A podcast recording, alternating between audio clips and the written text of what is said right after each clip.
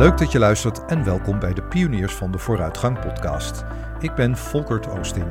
Dit is de podcast voor iedereen die op een persoonlijke missie is voor een betere en mooiere wereld. Hier hoor je regelmatig gasten die openhartig vertellen over hun ideale wereld. Van moedige wereldverbeteraars, bruggenbouwers, denkers, tegendraadse pioniers tot andere passievolle professionals. Ze delen hun persoonlijke inzichten en ervaringen met je.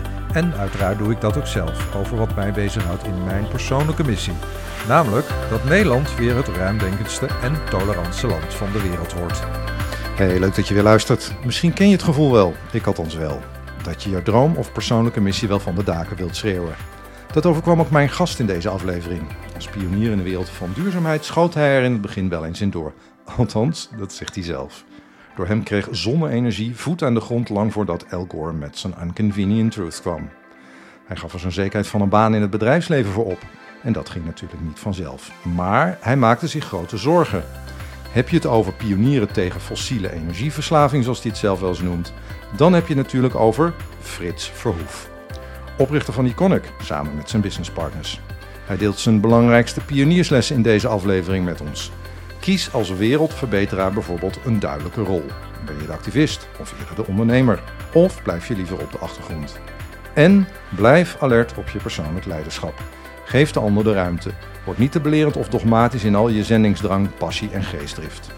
Maar zoek juist de dialoog en samenwerking op. En last but not least, blijf je eigen succes ook ter discussie stellen. Ik vond het een super inspirerend gesprek. Ik hoop jij ook. Ik wens je veel luisterplezier. Hier is Frits Verhoef.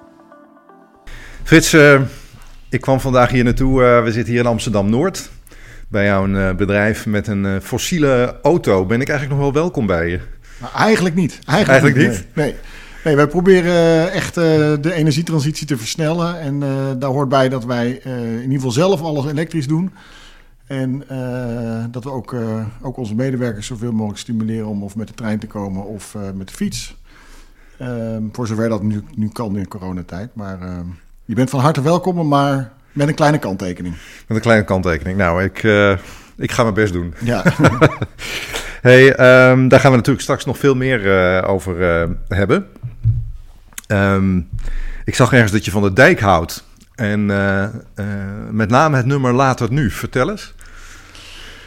Uh, ja, de dijk is echt uit mijn, uh, mijn uh, late middelbare schooltijd. Dus ik heb na mijn eindexamen heb ik een maand in een kas in Brabant gewerkt om geld te verdienen voor de Interrail. En toen waren de nummers Ik kan het niet alleen. was toen echt een enorme hit. En daar is uiteindelijk die liefde ontstaan. En het is voor mij echt, de dijk is echt een combinatie van de muziek en de tekst. Uh, en met name die teksten, die, uh, nou ja, die zitten ergens in mijn kop gegrift. En die heb ik ook echt gebruikt om, uh, om zeg maar inspiratie op te doen bij dat boek. Ja. En ja, later is nu was het nummer waar, waarin ik zeg maar de overstap heb gemaakt van nou ja, zeg maar het corporate leven, de baan, naar een, een ondernemersbestaan. Daar gaan we het straks natuurlijk nog uitvoerig over ja. hebben. Later is nu. Ik ben muzikant en, en, pianist ook, dus ja, de dijk fantastisch. Later is nu. Ben jij erg mindful of... Uh, nee, ik heb, uh, dat denk ik niet. Uh, ik ben analytisch, maar ik heb wel een goede verbinding zeg maar, tussen het hoofd en het hart. En dat is ook wel wat ik, wat ik nou ja, ook in mijn werk probeer te doen. Ja. Maar ook wel hoe ik in het leven sta. Je bent, je bent ondernemer, hè? En voel je nou meer ondernemer, wereldverbeteraar, social entrepreneur, activistisch misschien nog een beetje?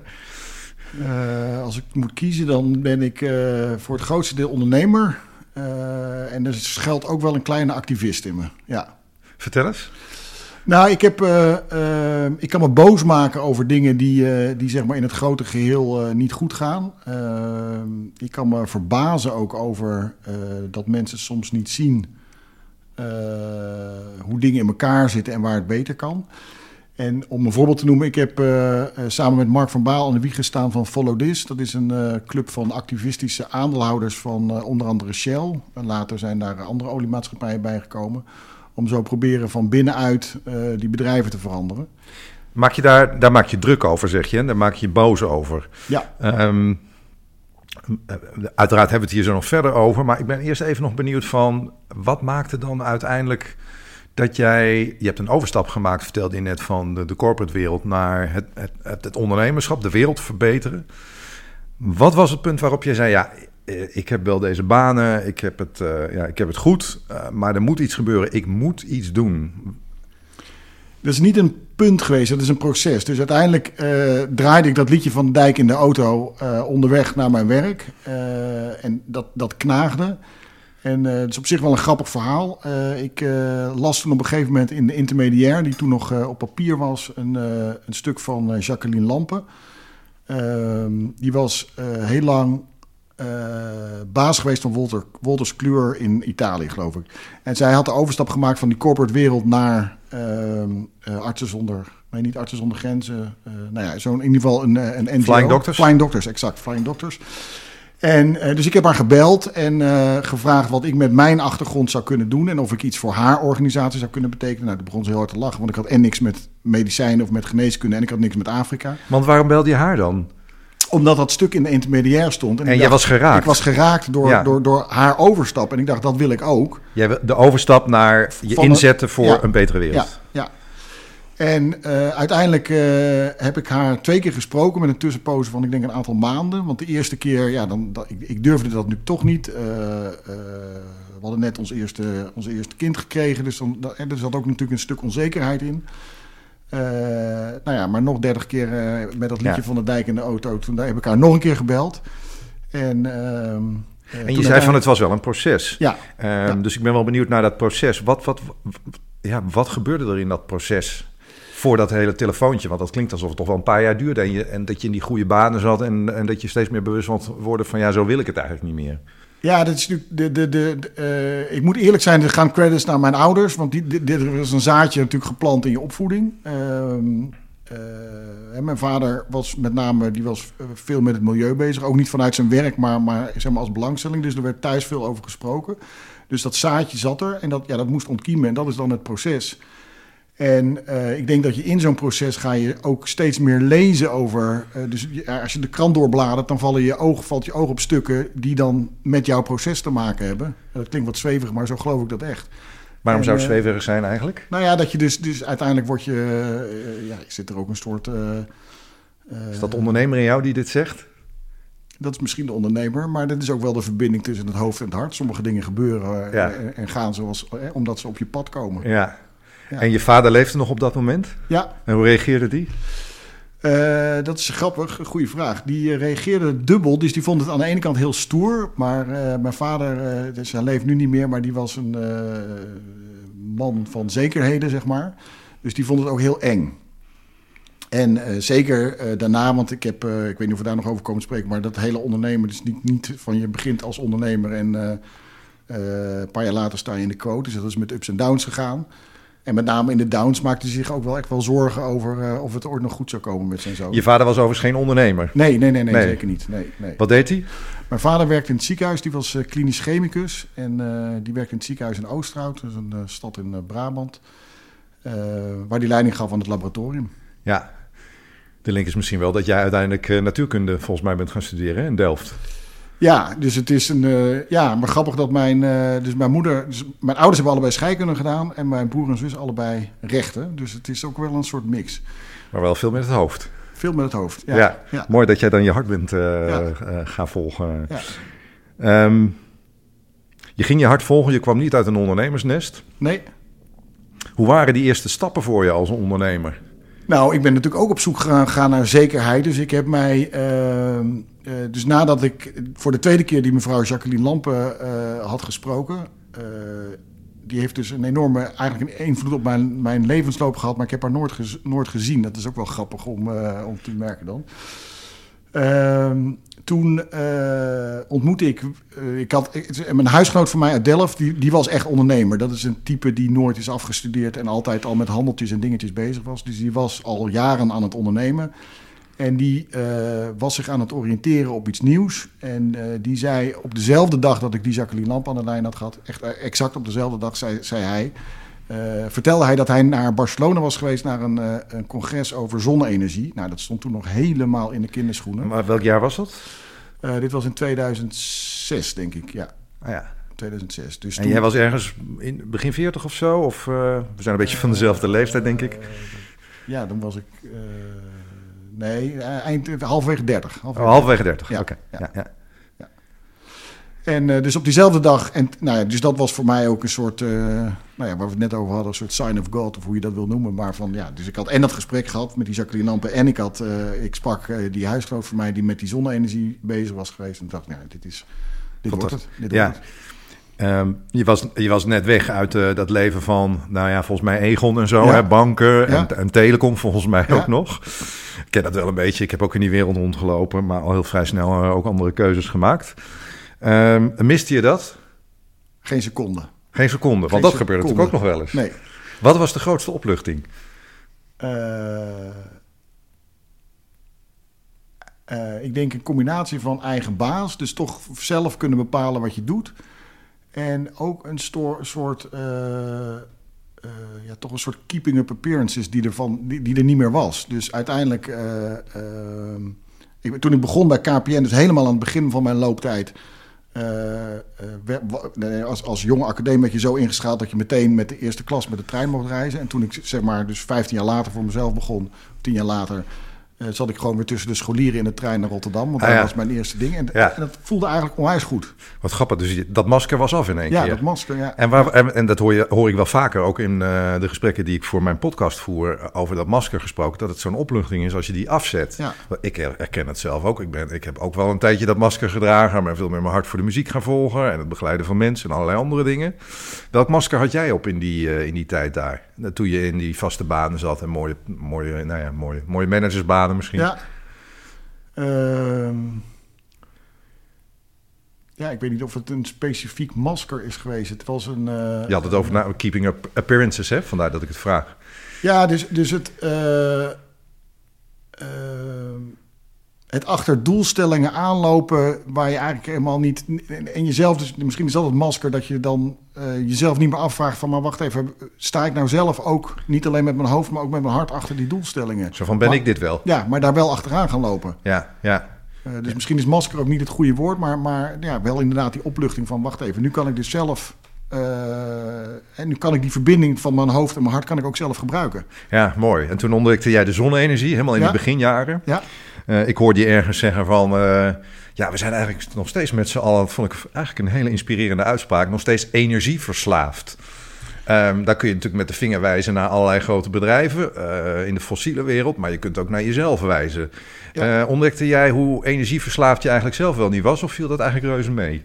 Eh, nee, nee, zeker niet. Nee, en uiteindelijk is natuurlijk de, de verslaving is natuurlijk echt iets waar we met z'n allen, dat, met z'n allen in zitten. En dat hebben we niet in de gaten.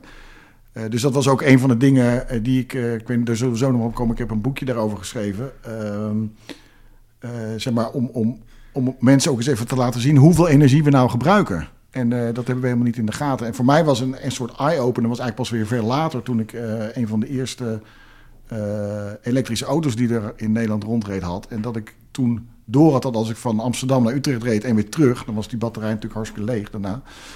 Eh, maar dat dat zoveel energie kostte, dat je dat als je dat thuis gebruikt voor je wasmachine en je televisie, dan kon je drie, vier dagen kon je daar thuis mee doen. Dus alleen dat ritje al, wat je normaal natuurlijk met de auto achteloos maakt, eh, kost een enorme hoeveelheid energie. Was dat voor het eerst dat je zo'n rekensom voor jezelf maakte? Ja, ja. ja schrok je?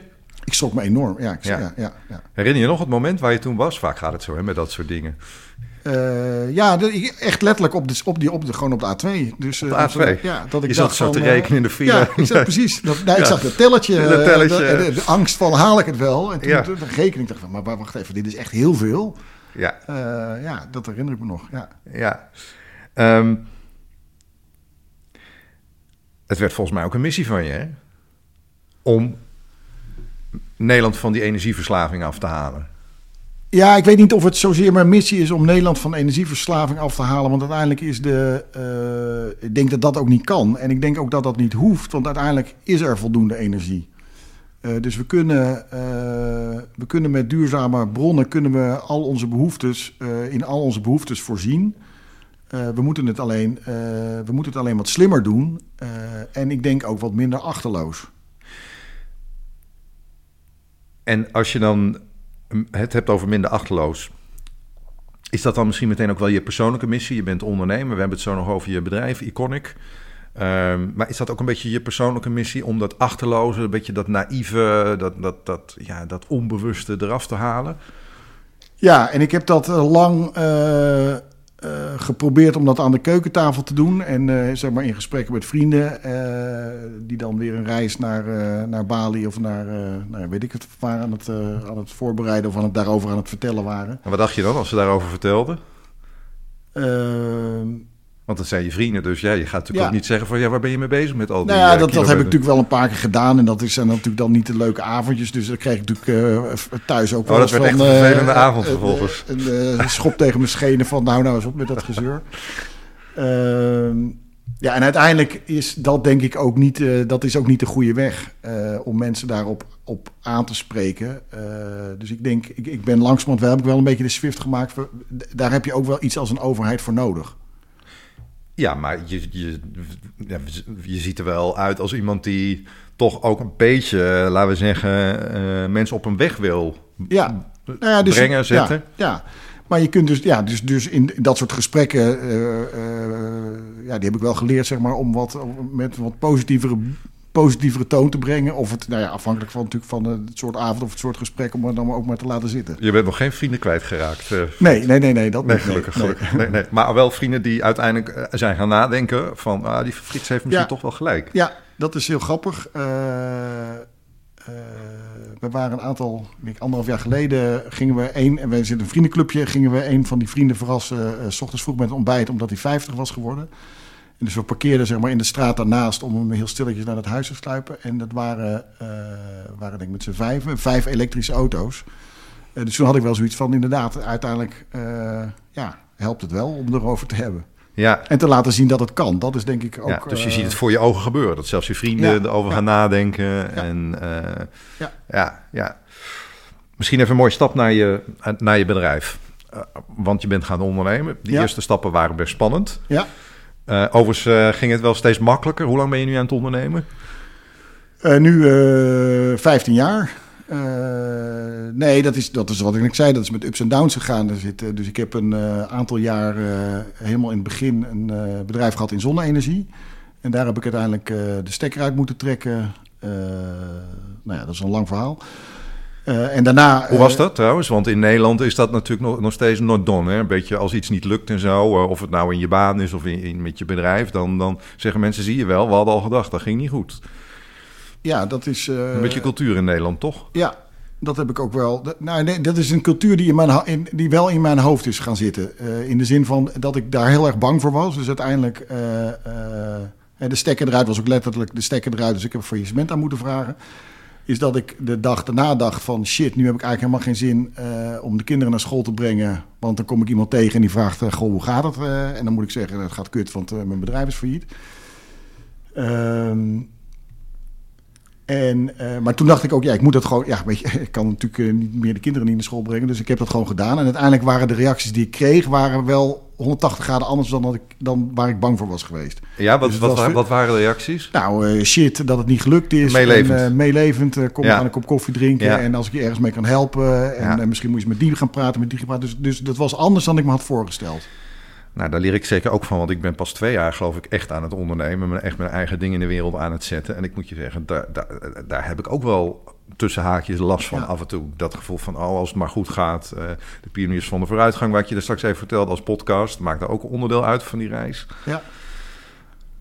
Um, nou, dus dat aspect hoef je niet bang voor te zijn. Daar hoef ik niet bang voor daar te zijn. hoef je niet bang voor te zijn, nee. nee. nee. Uiteindelijk... Uh, Want omdat mensen ook wel zien dat je het vanuit je hart doet misschien...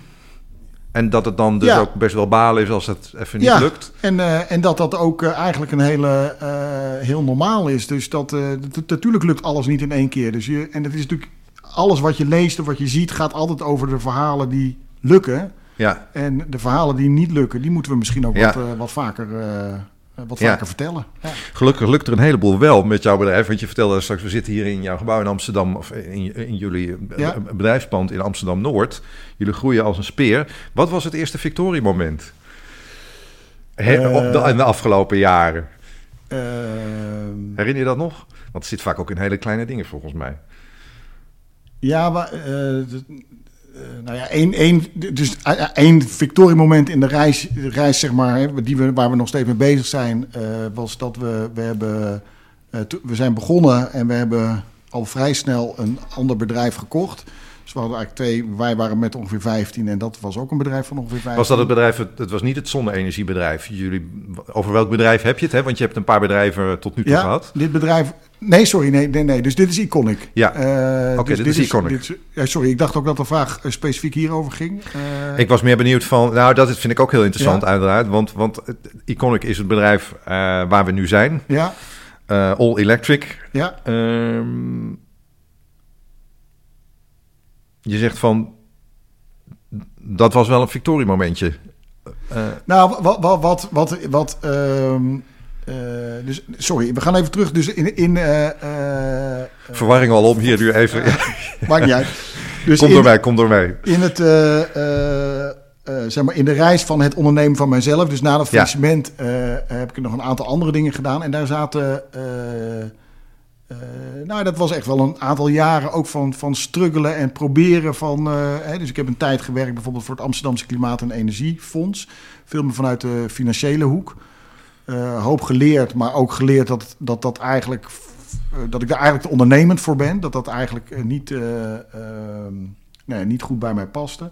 Daarna bij een soort productiebedrijf, ontwerp-productiebedrijf gaan werken voor nou ja, ook een duurzame technologie. Dus dat is allemaal best wel, dat was nog best wel zeg maar zoeken naar wat, wat er nou echt bij mij past. En ja, dan komt er iets op je pad en dat waren... was dat toeval denk je? Ja, toeval bestaat niet. Dat, toeval bestaat echt niet. Nee. nee. dat vind ik zo mooi aan je. Dat jij aan de ene kant een ondernemer bent, maar aan de andere kant volg jij ook een beetje, nou ja, hoe zeg je dat? Het, misschien het spirituele of, of een soort van ingeving van dit staat mij te doen in deze ja, ja. wereld. Ja. Uh, je ontdekt daar dan steeds meer over. Maar ik ben toch nog steeds wel even benieuwd. Ben jij nou meer de ondernemer of ben jij meer ben jij van beide? Ben jij meer die spirituele man? Of wat? Nee, ik denk echt, echt, echt van beide. Dat is best wel een unieke combinatie. Ja, dat weet ik niet. Ik denk dat. Uh, uh, ik denk dat er steeds meer mensen zijn die ook gaan ondernemen vanuit hun hart. dus ik weet niet of het zo'n hele, hele bijzondere combinatie is. Moet je daar een ondernemer voor zijn om dat hard te volgen? Want ja, je hoort dan tegenwoordig, er zijn heel veel social entrepreneurs en start-ups. Ik ben eigenlijk, ja, als ik, als ik mezelf zo zou bekijken, helemaal niet echt een ondernemer. Ik ben wel een creator en ik ben wel uh, ja, ondernemend. Maar moet je die ondernemer zijn om, om dat hard te volgen en die wereld te gaan verbeteren? Nee, zeker niet. Nee, dat is natuurlijk een rol. Die, hè, dus de ene heeft de rol. Hè, als je vanuit je hart iets doet, dan, dan heeft de ene de rol van. van die kan de rol van ondernemer pakken. En de Ja. andere de rol van activist, wat je net als voorbeeld noemde. Ja, Of een rol van entertainer. Weet je, je kan allerlei rollen natuurlijk hebben ja, daarin. ja.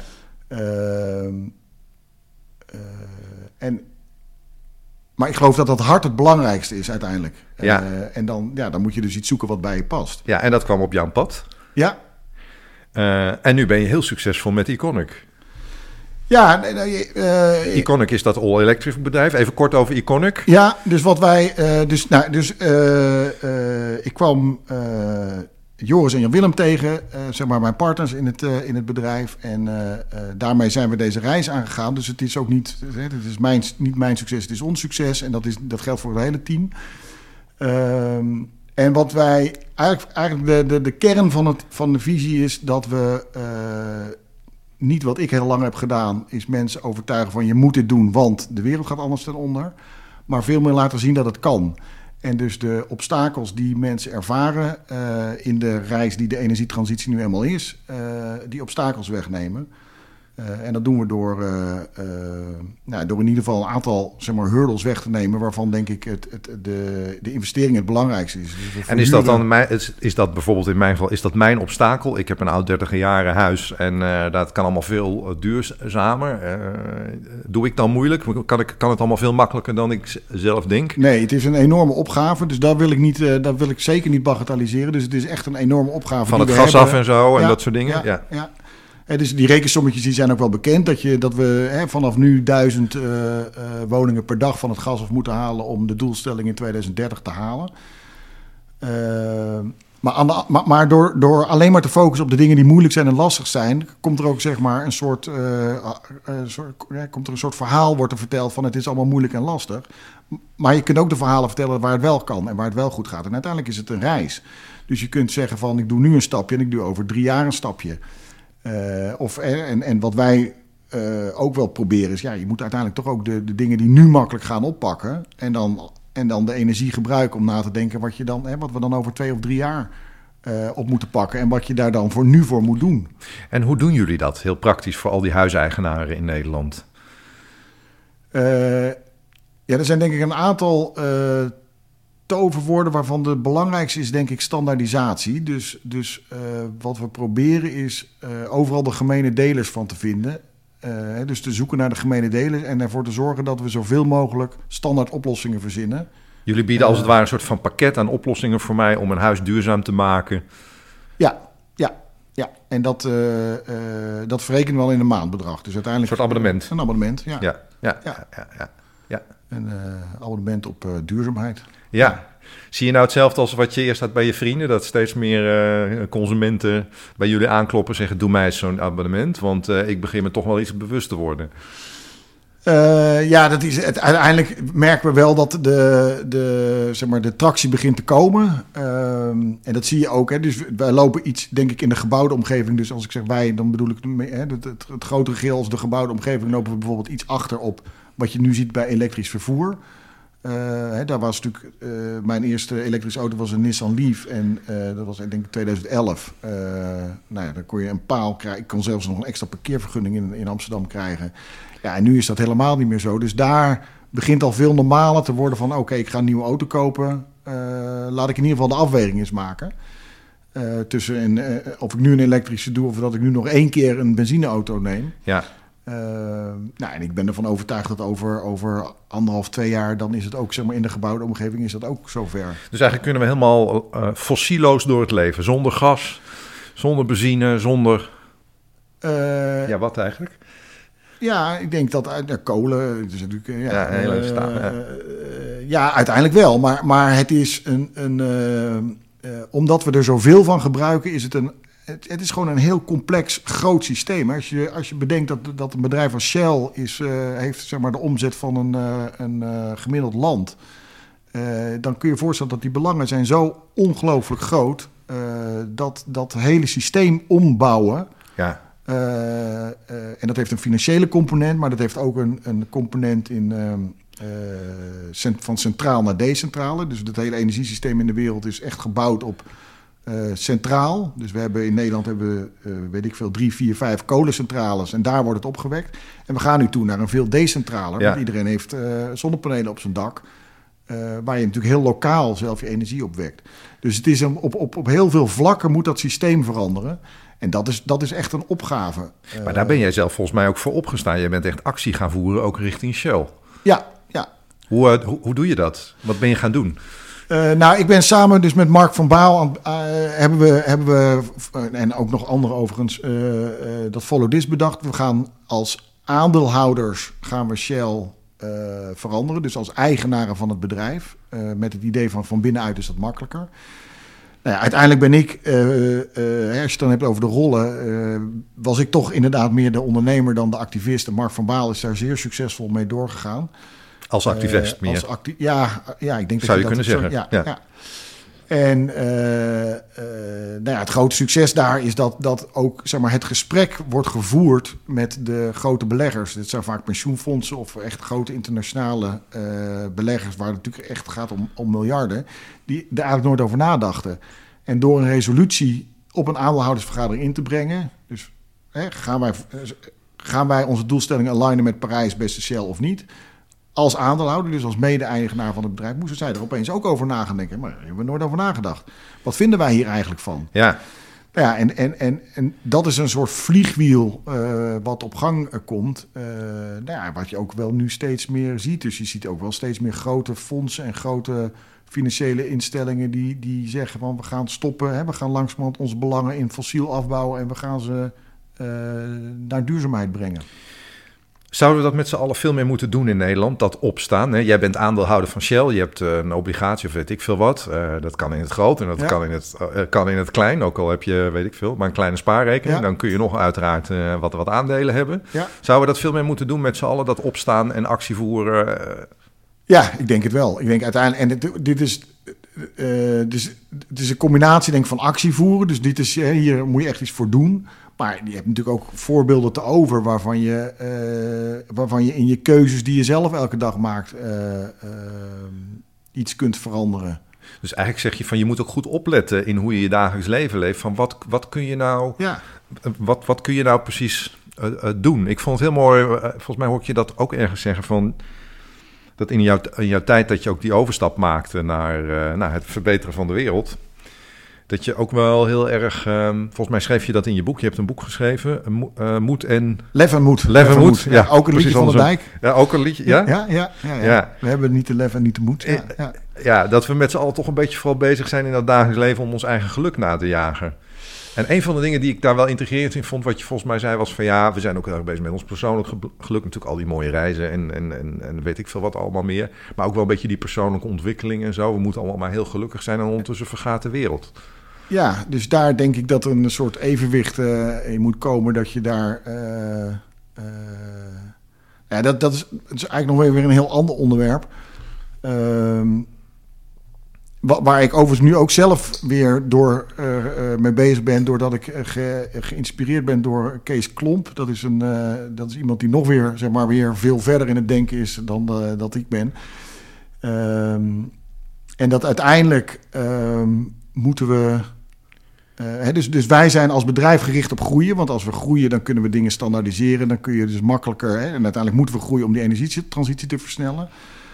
Uh, maar alleen maar gefocust zijn op groei. Uh, dat, dat maakt ons niet per se gelukkiger. En dat geldt natuurlijk zeg maar, in een systeem als een bedrijf of in een systeem als dat je hebt als, als, als land. Maar dat geldt natuurlijk ook voor jezelf. Uiteindelijk is het niet alleen maar het najagen van spullen of ervaringen die jezelf persoonlijk gelukkiger maken. Moeten we vooral eh, corona aanpakken om uh, een beetje uh, meer die het mag minder mentaliteit uh, nou ja, te volgen? Ja, maar heel eerlijk gezegd ben ik daar vrij sceptisch over. over dat het minder mag of over het moment waarin we nu leven met corona? Ja, ik denk dat, ik denk dat de er te weinig wordt gesproken en te weinig wordt nagedacht over uh, hoe gaan we dit nu, als dit voorbij is, hoe gaan we dit nu uh, uh, anders inrichten. De wereld, De wereld, ja. Nou ja, laten we dan beginnen met ons land. Met ons land, ja. Of nou, gewoon thuis, van waar, waar je net over begon, wat je dagelijks kunt uh, doen. Ja, dus ik denk dat er op, op thuisniveau zijn er natuurlijk... Er zijn er, zeker in die eerste lockdown waren er heel veel initiatieven als Support Your Locals... en dat soort dingen die, die volgens mij wel echt wel een stap hebben gemaakt... en waar, waar mensen uh, op persoonlijk niveau op aanhaken... Uh, maar, maar zeg maar, als je het nu hebt over de komende verkiezingen, dan, dan gaat het niet over de samenleving die we willen zijn na corona. Wat ik dan heel mooi vind, dat je eigenlijk ook uh, voor jezelf, of misschien zijn jullie dat alle vier, jullie hebben vier partners geloof ik in het bedrijf. Totaal. Drie. Drie, drie, Ja.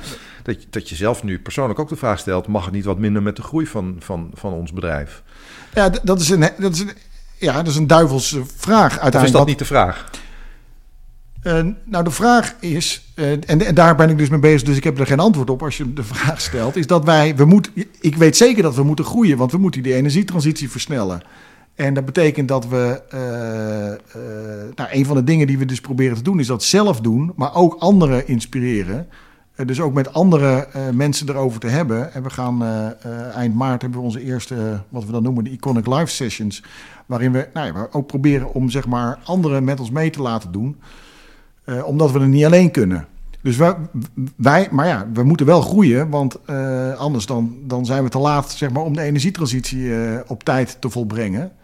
Maar volgens mij is het punt dat je maakt van je kunt je eigen groei ter discussie stellen. Ja. En stel je daar kwetsbaar in op. Ja, en dus, da, dat is exact wat we dus moeten doen. Van, groeien we en ten, ten koste van wat? En, en uh, als we gaan groeien, kunnen we dan die groei ook gebruiken om bijvoorbeeld wat in, deze, in onze branche, wat, wat echt wel zeg maar tegen de installatiebranche aanschurkt, uh, kunnen we het ook gebruiken om daar ook, ook veel meer uh, na te denken over circulariteit of dat soort, uh, dat soort thema's.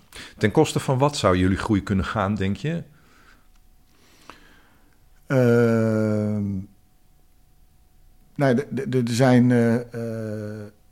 Eh, eh, ja, eh, eh, dus Kees Klomp, wederom, wij, wij Echt een evangelist, hè? op dit ja, gebied. ja, Want even kort over Kees Klomp.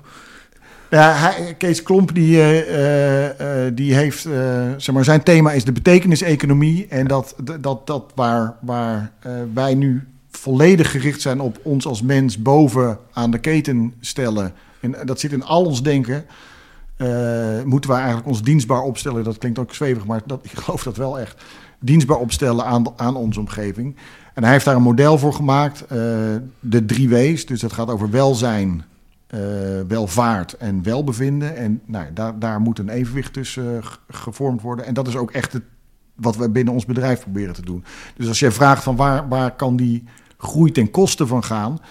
eh, dan, hè, dus groei gaat over de welvaart. En dan kan het ten koste gaan van het welbevinden. En dan gaat het in eerste instantie gaat het ons om het welbevinden van, van, eh, van ons team, van de mensen. Eh, maar dat kan je natuurlijk ook nog wat groter doen, het, welbevinden van de omgeving waarin je werkt. Dus dat zou Amsterdam-Noord kunnen zijn.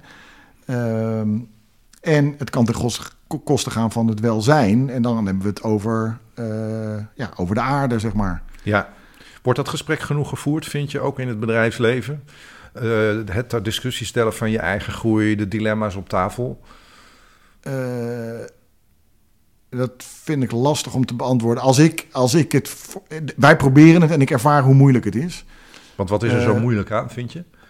Omdat we, wij ook met z'n drieën ook geprogrammeerd zijn van eh, we, willen, ja, we willen de grootste worden, we willen marktleider worden. En natuurlijk, dat, ja, zo zijn we uiteindelijk toch, toch ook wel geprogrammeerd door onze, door onze achtergrond. Dus het gesprek voeren is al lastig. En ja, als ik, als ik zie wat er zeg maar, eh, als het dan gaat over corona, dan gaat het over we zijn eruit als we weer 2, 3, 4 procent per jaar groeien.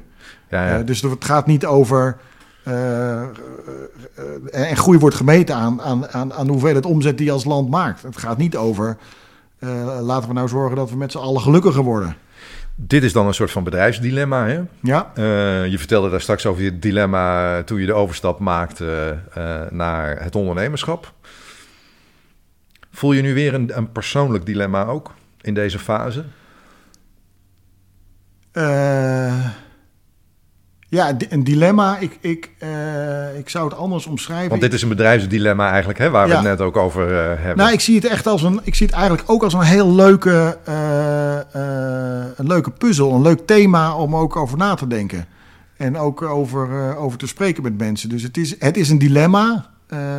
maar het geeft ook energie om, er, om, om te proberen om dat op te lossen. Of om daar in ieder geval het gesprek over te voeren. Dus het, het, het, het, het praten daarover met mensen geeft jou juist energie. Even los van wat er uitkomt. De ondernemer in jou zegt misschien, daar moet iets uitkomen. Maar jij zegt nu van nee, die energie, die, die, die, die, die ja. Ja, maar Dat omdat ik omdat ik geloof dat als, eh, hè, dat als je met elkaar daarover hebt, dat je dan. Er hoeft er alleen niet, alleen iets voor ons uit te komen, of voor mij uit te komen. Eh, als iemand anders ermee loopt, mee verder loopt en die gaat er weer. Hè, dan, ja, uiteindelijk is dat toch, toch de sneeuwbal die je nodig hebt. Ja. Hey, nog even iets heel anders, eh, Frits. Als je nu kijkt naar eh, het bestaan van Iconic en, Ja. en de voorloper daarvan, de Factory. Ehm, ik zette van de week op LinkedIn per ongeluk de Factory. En jij herinner me even, nee, we zijn tegenwoordig Iconic, dus ik Ja, aarzel even of ik die naam mag uitspreken. Zeker, dat kan nog hoor. Eh, dat, dat kan nog. Ehm, heb je dan ook momenten af en toe dat je denkt... pff, Weet je ik loop tegen het systeem op. Waar ben ik mee bezig? Of, is, of blijft die energie gewoon sky high waar je het net over hebt? Eh, nee, als, als ik eh, mezelf af en toe even zeg maar terugzie en, en kijk wat we aan het doen zijn, dan, dan, eh, dan blijft die energie absoluut. Het is echt, het is zo leuk en zo, hoe zeg je dat, zo rewarding om hiermee bezig te zijn. En natuurlijk is er, zijn er dagen dat je denkt van, eh, eh, Ja, shit, hoe ga ik dit nou ja. eh, oplossen? Ja. En ik, ik, eh, dat je je voelt alsof je met je voeten in de modder zit en je niet verder komt. Ja, Tuurlijk zijn die dagen er. ja. En, en er zijn ook onverwachte dingen en, en zorgen natuurlijk af en toe. Maar als je even zeg maar, daar terugdenkt, dan is het echt wel een, een, ja, dan is het echt een fantastisch avontuur. Mijn podcast is van en voor pioniers, zullen we maar zeggen. Ja, Eh, voel jij je eh, die pionier of soms ook stiekem een beetje al eh, onderdeel van de gevestigde orde aan het worden?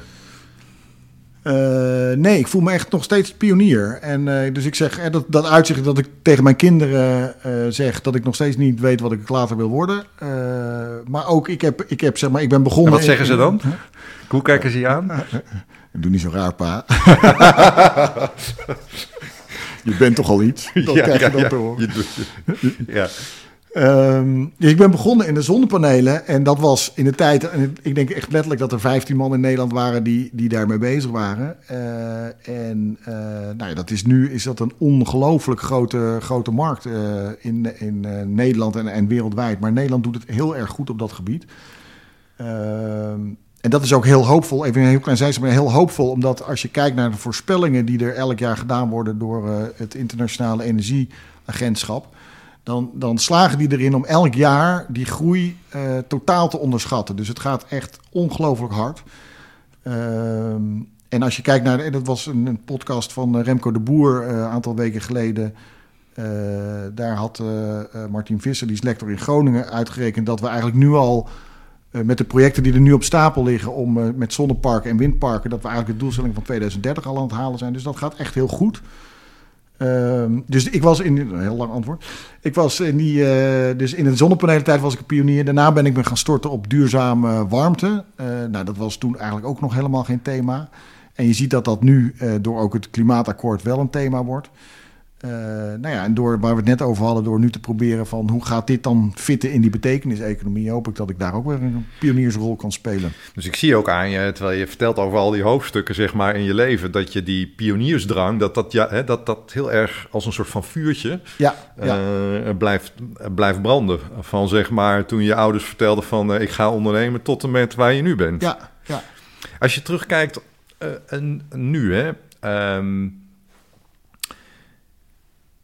Stel, er luistert nu iemand en die denkt, ja, weet je, ik, ik wil iets voor mezelf beginnen. Of uh, ik ben iets voor mezelf begonnen, maar het is toch spannend. Uh, of ik ben twee jaar bezig, hè, zei ik zelf ja. net van, en het blijft ook wel spannend. Ja. Um, wat zou je ons willen meegeven? Uh, ja, misschien wat inzichten of, of tips over, over, over dat pionieren. En de mindset die je daarin traint voor jezelf. Uh, nou ja, ik denk, dat, ik denk een van de lessen die ik heb geleerd, uh, waar we het net over hadden, wees niet bang wat anderen van je, uh, van je vinden of van je zeggen. En uh, zeker als je natuurlijk uit een wereld komt, een corporate wereld, of in ieder geval een wereld waar je van, van grote bedrijven, dan is dat natuurlijk dan, dan, dan is dat onderdeel van het systeem. Dat je afgerekend wordt hoe andere mensen jou zien. Dus dat moet je loslaten, denk ik. Ik denk dat dat, en dat is ook die bevrijding waar we het over hadden, maar dat is natuurlijk ja, dat is een soort innerlijke uh, ballast die je opzij moet zetten. Dus nou, ervaar, nou ervaar ik zelf, Frits, dat het uh, best ook wel een uitdaging is om het los te laten. Ja. Soms doe ik het en dan verkramp ik gewoon helemaal met mijn lijf. En denk ik, ja. oh, wat ga ik doen? Ik weet nog uh, dat ik mijn eerste podcast maakte. Ja. Of dat ik nou sinds kort weer wat nieuwe microfoons heb. En daar straks nog bij jou, zo, weet je, dat de boel, dat iets niet werkt en zo. Um, maar ik doe het dan gewoon. Alleen ja, het is toch ook wel lekker om dat een beetje relaxed te kunnen doen. En dat is wel een uitdaging, uh, ervaar ik zelf af en toe. Ja, en dan. Uh,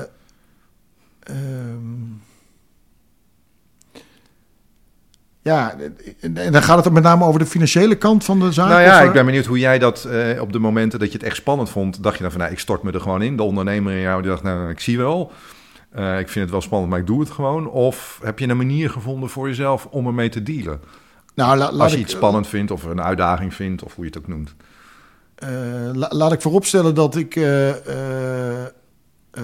mijn vrouw heeft een goede baan, dus uiteindelijk zijn de financiële kant is, is, is nooit echt een heel groot thema geworden. Ook omdat we toen ik begon, hebben we afgesproken dat als alles mis zou gaan, dat we ook uh, zeg maar in een hele andere omgeving ook gelukkig zouden worden uh, met, uh, zeg maar met het gezin. Dus dat dat niet per se gebonden is aan de, nou ja, het huis en de auto en de omgeving waarin, je, waar, waarin we een, een, heel fijn leven hebben. Ehm, en nu ben ik de vraag kwijt. Nou, ik was benieuwd van ah, als jij iets als uitdaging ervaart, of misschien ja, spannend, ja. hoe je daar door de jaren heen in dat al dat pionieren en die drang van je, misschien is die drang wel het antwoord. Um, waar haal je zeg maar die ausdauer uh, uit? En ook nog om het een beetje op een relaxte manier te doen. Het klinkt alsof het voor jou uiteindelijk heel relaxed ook wel was.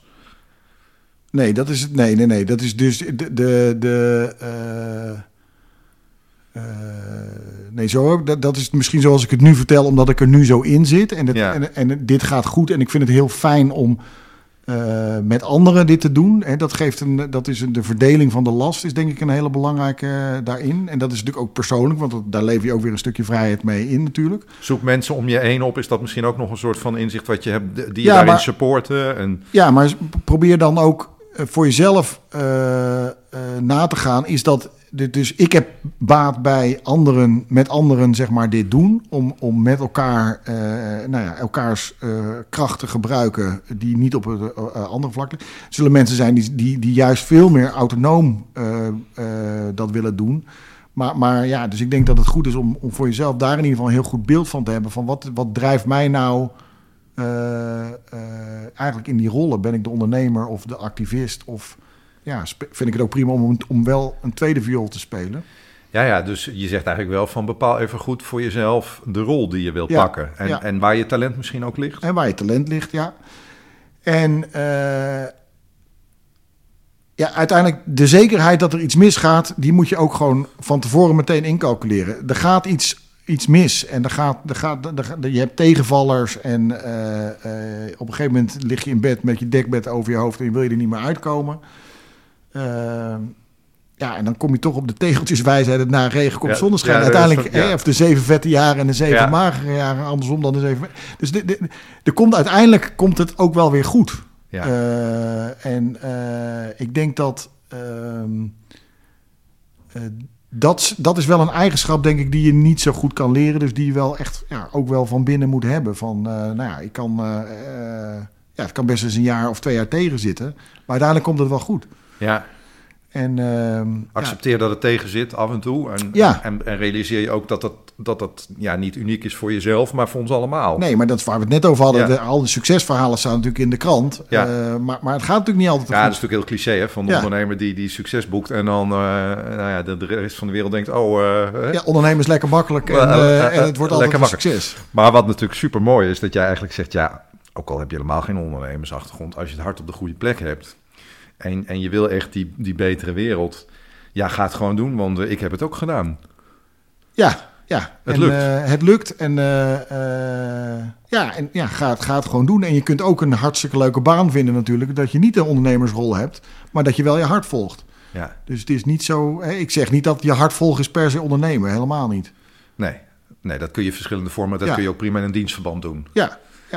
Zou misschien wel leuk zijn trouwens als meer corpus wat, wat, wat, er, ja, wat extra ruimte creëren. Ook voor mensen om dat hart binnen dat systeem te volgen. Eh, Dat ligt niet aan die bedrijven, maar binnen het systeem je hart volgen is ook nog wel een uitdaging. Dat is mij. in de grote bedrijven zeker een uitdaging. Ja. Ja, ja. is misschien ook wel een beetje inherent aan een systeem. Want een groot bedrijf kan er ook niet aan- altijd wat aan doen dat ze groot is. Eh, nee, maar dat, nou, ik denk dat dat in het eh, ontwerp. Dus, dus eh, kijk, wij hebben helemaal niet de ambitie om een heel groot bedrijf te worden in de zin van, eh, van aantallen mensen. Maar uiteindelijk door nu al na te denken over het ontwerp van de organisatie, hoe je dat gaat doen over, over twee, drie jaar. Ja, denk ik wel dat je ook een relatief groot bedrijf, ik bedoel, ik heb het niet over tienduizenden mensen, maar een relatief groot bedrijf zijn waar je wel mensen hun hart kunt laten volgen. En laatste vraag Frits. Nu heb je al die mooie eh, ehm, ja, successen tot nu toe. Ook met, met, met Iconic. Eh, heel verschillende dingen gedaan. Ja, is eigenlijk nog iets waarvan je denkt, ja, weet je, dat, dat is nou zo'n mooi avontuur. Dat is weer een enorme pionier, eh, pioniers moment waar ik naar verlang. Eh, ja, ik dus de vraag waar we het net over hadden, de, de, de, de, de, de, vraag van de groei versus eh, het verhaal van Kees Klomp, dat is wel iets waar ik echt wel zin heb om daar, eh, eh, daar verder over na te denken. En ik moet zeggen, ik vond het schrijven van het boek ook heel leuk. Dat gaf ook een hele, geeft ook een bepaalde vorm van rust. Om eens even jezelf te dwingen om, om ergens over na te denken. Dus dat, dat is zeker iets wat ik ook nog wel, wat Ja. echt nog wel op mijn verlanglijstje staat. Ja. Je schreef ook in dat boek van over je vrienden hè, en over dat vertellen van dat verhaal. Dat, dat we in deze jachtige samenleving of ja, ons dagelijks leven, dat, dat er voor jou ook niet altijd plek was omdat er hè, vragende ogen eh, Ja. volgden om dat verhaal eh, te vertellen. Het klinkt nu een beetje alsof eh, de gesprekken die je nu ook aan het voeren bent, dat je zelf wat meer ruimte voelt om je heen, om je verhaal nog meer uit te dragen. Eigenlijk ja, waar het gesprek wat wij vandaag voeren, gaat daar ook een beetje over. Ja, maar ik denk ook heel eerlijk gezegd dat ik dat ook wel geleerd heb. Uh, uh, dat uh, het opgeheven vingertje, wat deep down wel er is, dat dat helemaal geen, geen effectieve manier van communiceren is. En juist door, nou ja, dus door te focussen op de dingen die wel kunnen en die wel goed gaan. En proberen ook zeg maar juist andere mensen aan te sporen met energie. In plaats van ze af te rekenen of te veroordelen op iets wat niet goed gaat, dat is een veel effectievere manier. Dus wat is de eerste stap die ik kan zetten om dat duurzame huis, dat 30 jaren huis van mij, uh, nou ja, om dat een stapje, nou ja, een stapje, hoe zeg je dat, uh, duurzamer uh, te maken? Want heel eerlijk gezegd, Frits, ik vind het soms ook lastig hoor, om daar de eerste stap in te zetten. Ga ik ja. helemaal over op zonne-energie? Wat is dan mijn eerste stap? Dus ik voel ook ons gesprek vandaag weer als een oproep aan mij, Volkert, kom in actie. Uh, daar mag je van mij best een opgeheven vingertje bij zeggen. Of doe, doe je dat Kom. helemaal niet meer? Uh, nou, ik, blijkbaar heb ik nu dus iets geraakt door niet het opgeheven vingertje te, ja. te zeggen. Dus ja. uiteindelijk is dat, dat is eigenlijk dus al het bewijs dat dat beter werkt. Uh, in antwoord op je vraag, maar dat, dat, is, dat, dat is volgens mij niet helemaal voor de podcast. Maar begin met isoleren, dat is het allerbelangrijkste. En uh, dan van daaruit kun je, heel, kun je eenvoudig verder gaan uh, om je huis te verduurzamen. En accepteer dat het stapjes zijn. dus nu dit jaar dit en over twee jaar dat. Dus, dus de, de, hè, dat is ook wel een mooie les trouwens geweest. Die wij toen we met de factory begonnen, waren we heel dogmatisch in van het gas af. Dus all electric. En we gaan niks met, uh, uh, met tussenstapjes of uh, dat heet dan hybride. Dus waar je nog een beetje gas gebruikt en een deel elektriciteit. daar gaan we niks mee doen. En dat is, daar hebben we ook een, een, een shift in ons denken gemaakt. dat het eigenlijk toch vaak effectiever is als je kijkt naar de doelstelling die we hebben, namelijk het besparen van CO2. dat het veel effectiever kan zijn om dat in stapjes te doen. Dus accepteer dat ook. Dat zou mijn advies zijn. En als je pioniert uh, en je hart volgt, uh, doe het stap voor stap. Accepteer dat het uh, af en toe mis kan gaan. Kijk ook voor jezelf wat, wat de mogelijkheden zijn, maar word vooral niet dogmatisch en probeer vooral het gesprek te voeren met de mensen om je heen. Dat is eigenlijk wat ik meeneem uit, het, uit ja. ons gesprek vandaag. En aarzel niet om andere, inderdaad andere mensen in je denkproces daarbij te betrekken. Ja. Frits Verhoef, dankjewel. Graag gedaan. Leuk dat je luisterde en heb je nou tips of ideeën? Laat het me weten. Stuur me een DM via LinkedIn of bijvoorbeeld Facebook. En natuurlijk via mijn website www.volkerthosting.nl. Voor nu wens ik je een fijne dag en tot de volgende keer.